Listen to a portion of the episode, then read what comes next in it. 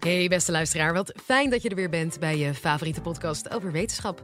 Ik ben Sophie Frankemolen en de aflevering van vandaag gaat over de toekomst van het internet.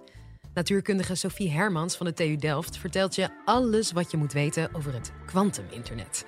En wat dat precies is, nou, dat hoor je natuurlijk ook. Enjoy! Dit is de Universiteit van Nederland. Voordat we het over het kwantuminternet gaan hebben, zou ik graag iets vertellen over het huidige internet. Over de begindagen van het huidige internet. De avond van 29 oktober 1969 om precies te zijn. Twee wetenschappers in Californië zijn die avond bezig met het leggen van de allereerste internetverbinding.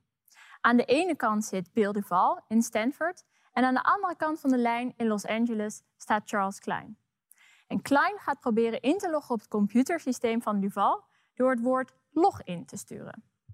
Ondertussen hebben ze elkaar aan de telefoon. Klein typt de letter L en vraagt: Did you see the L? Ja, ja, we zien de L, wordt er geantwoord. Hij herhaalt het met de letter O. Zien jullie de O? Ja, ja, we zien de O. En herhaalt het met de letter G. En weet je wat? Het hele systeem crasht. Ongeveer een uur later weten ze het systeem weer online te krijgen en loggen ze voor het eerst op afstand in. Dit zijn de allereerste stappen van het internet. Het is geen sinds snel, het is geen sinds robuust, maar het laat zien dat het kan. Nu, ongeveer 50 jaar later, kunnen we ons al geen wereld zonder internet meer voorstellen. En ook nu, 50 jaar later, staan we ongeveer op hetzelfde punt met het kwantuminternet. De wetenschappelijke proefopstellingen zijn erg groot, log en niet robuust, maar we kunnen de eerste principes laten zien. Wat is dat dan, het kwantuminternet? Bij normale computers en het internet verpakken we onze informatie in bits, in nullen en enen. Een afbeelding of een tekstbestand wordt bijvoorbeeld opgeslagen als een lange reeks 1 en nullen. Bij kwantumcomputers en het kwantuminternet maken we gebruik van kwantumbits om kwantuminformatie in op te slaan.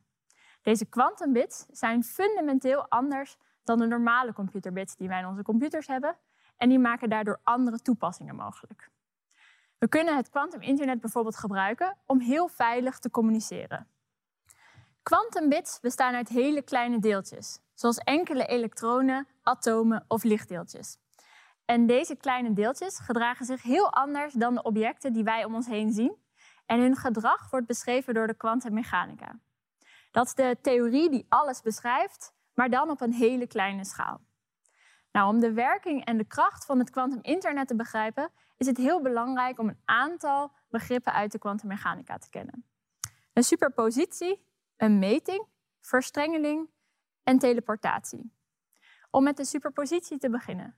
Een normaal computerbit kan de waarde 0 of 1 hebben.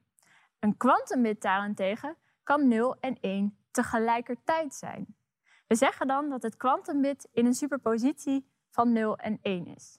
En pas als we een meting doen van het kwantumbit, of met andere woorden uitlezen wat de waarde van het kwantumbit is, dan kiest het kwantumbit als het ware een uitkomst. 0 of 1. Waarbij we 50% kans hebben dat we 0 uitlezen en 50% kans hebben dat we 1 uitlezen. Stel je voor, we hebben een kamer met daarin een uh, lichtschakelaar die zich gedraagt als een kwantumdeeltje. Staat de schakelaar naar links, dan is het licht aan. Staat de schakelaar naar rechts, dan is het licht uit. Omdat het een kwantumlichtschakelaar is, kan hij ook in een superpositie van naar links en naar rechts staan. En daarmee is het licht tegelijkertijd aan en uit. Pas als wij de deur van de kamer open doen en daarmee een meting doen, is het licht aan of uit.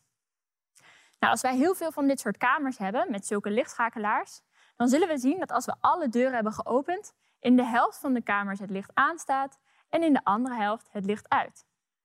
Maar voordat we die deuren open doen, is dat nog onbepaald. Het licht is niet aan of uit, maar het is aan en uit. Daarnaast kunnen kwantumbits ook verstrengeld zijn. Verstrengeling is een hele sterke verbinding waarbij je de kwantumbits niet meer los van elkaar kan beschrijven. Om bij het voorbeeld van de kwantumlichtschakelaar te blijven, we hebben nu twee aparte kamers, maar de kwantumlichtschakelaars zijn met elkaar verstrengeld. Ze zijn beide nog steeds in superpositie. Het licht in beide kamers staat tegelijkertijd aan en uit. Maar zodra we één van de twee deuren open doen, en een meting uitvoeren, gebeurt er iets in beide kamers. In beide kamers gaat nu het licht aan of uit. Dus als we weten dat het licht aanstaat in de ene kamer, weten we automatisch dat het licht in de andere kamer ook aanstaat. En daarbij maakt het niet uit waar deze kamer is, misschien aan het eind van de gang, maar het kan ook zijn in Australië of op de maan. Wederom is de uitkomst van een meting willekeurig. We hebben nog steeds 50% kans op licht aan en 50% kans op licht uit. Maar we weten in elk van deze gevallen ook wat de uitkomst van de meting van de andere kamer is. We hebben nu op twee plekken steeds dezelfde, of beter gezegd, gesynchroniseerde of gecorreleerde uitkomsten. Nou, daar kunnen we nog niet heel veel mee. Als we bijvoorbeeld informatie willen versturen met behulp van verstrengeling, dan hebben we nog iets nodig. Dat brengt mij bij de laatste term, teleportatie. Hierbij kunnen we de informatie van een kwantumbit teleporteren. Is het kwantumbit in 0 of in 1 of in een superpositie? We teleporteren dus de informatie die het bit bevat en niet het fysieke bit. Verder gaat het precies zoals in science fiction films. Aan de ene kant verdwijnt de informatie en aan de andere kant verschijnt de informatie. We breiden ons voorbeeld nog iets verder uit. We hebben nu uh, twee kamers met verstrengelde kwantumlichtschakelaars. En we hebben daarnaast nog een kwantumzaklamp. En wat we willen doen is de bitwaarde van de zaklamp, staat die aan of uit, of in dit geval een superpositie, die bitwaarde willen we teleporteren naar de kamer op de maan.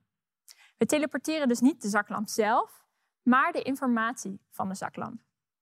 Hiervoor voeren we een speciale meting uit op de kamer samen met de zaklamp. En hiermee verdwijnt de informatie van de zaklamp op aarde en verschijnt instantaan in de kamer op de maan. Dus de lichtschakelaar van de kamer op de maan bevat nu de informatie die de zaklamp eerst had. Kunnen we op deze manier informatie versturen sneller dan het licht? Nee, degene op de maan moet nog steeds de uitkomsten van onze speciale meting weten. Zijn de lamp en de zaklamp aan, uit of een mix van die twee? En afhankelijk van die uitkomsten moet de persoon op de maan nog een handeling uitvoeren, of niet, om de informatie te reconstrueren. Maar als je hierover nadenkt, is het toch wel heel bijzonder. Op deze manier kunnen we namelijk informatie verplaatsen van hier naar de maan, zonder dat het door een kabel of door de ruimte hoeft te reizen. En dus ook niemand kan het dan onderscheppen. Heel leuk, die verstrengelde lichtschakelaars en een zaklamp in superpositie. Maar wat heb je daar nu precies aan? Nou, in het geval van verstrengelde kwantumbits is veilige communicatie een heel concreet voorbeeld. Door meerdere paren van verstrengelde bits uit te lezen, kan je reeksen van bits genereren waarvan je weet dat jij en een vriend of vriendin aan de andere kant precies hetzelfde patroon hebben. En deze bitpatronen kun je dan gebruiken als encryptiecode. Je kunt jouw boodschap versleutelen, versturen naar de andere kant en de ontvanger kan de boodschap weer ontcijferen. Waarom is dit veiliger dan het gewone internet? Nou, dat komt door de speciale eigenschap van de verstrengeling. Als iemand jullie probeert af te luisteren en de encryptiecode probeert te onderscheppen, dan zal hij of zij dat nooit onopgemerkt kunnen doen. Quantumbits kan je namelijk niet kopiëren en elke meting die hij of zij zal doen, zal de verstrengeling verstoren. En er zijn heel veel toepassingen die gebruik maken van versleutelde bits en waarbij je niet wil dat je wordt afgeluisterd. Denk maar aan internetbankieren of inloggen met je DigiD. Maar ook e-mail en WhatsApp maken gebruik van encryptie. Naast veilige communicatie zijn er ook nog andere toepassingen van het kwantuminternet. Zo kun je bijvoorbeeld het kwantuminternet gebruiken om meerdere kwantumcomputers met elkaar te verbinden en met volledige privacy een berekening uitvoeren in de cloud. Je kan bijvoorbeeld in de toekomst misschien wel een stukje quantum server huren van Google of Microsoft en dan een berekening, zoals de route van een navigatiesysteem berekenen. En dan kan je de uitkomst van die berekening naar jezelf teleporteren. Op deze manier kunnen Google en Microsoft niet zien wat je uitrekent en dus ook niet zien waar jij naartoe gaat. En dat zijn de toepassingen die we nu kennen. Vijftig jaar geleden had men ook nog niet voor ogen dat je online colleges kon bekijken. Dus wie weet wat voor toepassingen er nog meer worden uitgevonden. Het kwantuminternet is er nog niet. En het zal ook nog wel vele jaren of decennia duren voordat de hele wereld is aangesloten op het kwantuminternet. En op dit moment zijn onderzoekers van over de hele wereld bezig om de bouwstenen van het kwantuminternet te ontwikkelen. Hoe moeten die kwantumbits eruit zien? Hoe stuur je die kwantumbits aan? Hoe lees je ze uit? Hoe verstrengel je kwantumbits die op een afstand van elkaar zijn? Kan je verstrengelde kwantumbits teleporteren? Hoe schaal je dit soort systemen op?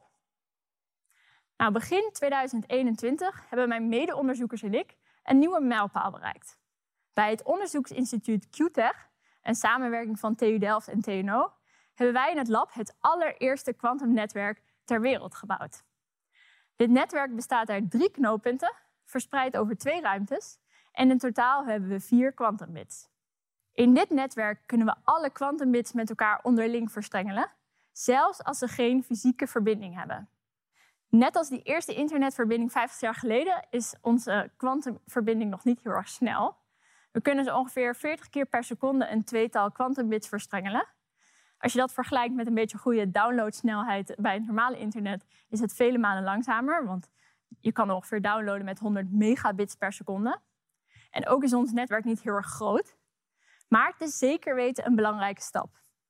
En met dit netwerk kunnen we al een heleboel concepten laten zien en ideeën uitproberen. En dat maakt het voor mij als jonge wetenschapper hele interessante en spannende tijden om hier aan te mogen werken. Kortom, het kwantuminternet is een netwerk dat is opgebouwd uit kwantumbits. En door gebruik te maken van de speciale eigenschappen van deze kwantumbits, zoals superpositie, verstrengeling en teleportatie, kunnen we toepassingen realiseren die onmogelijk zijn met het huidige internet. Bijvoorbeeld fundamenteel veilige communicatie.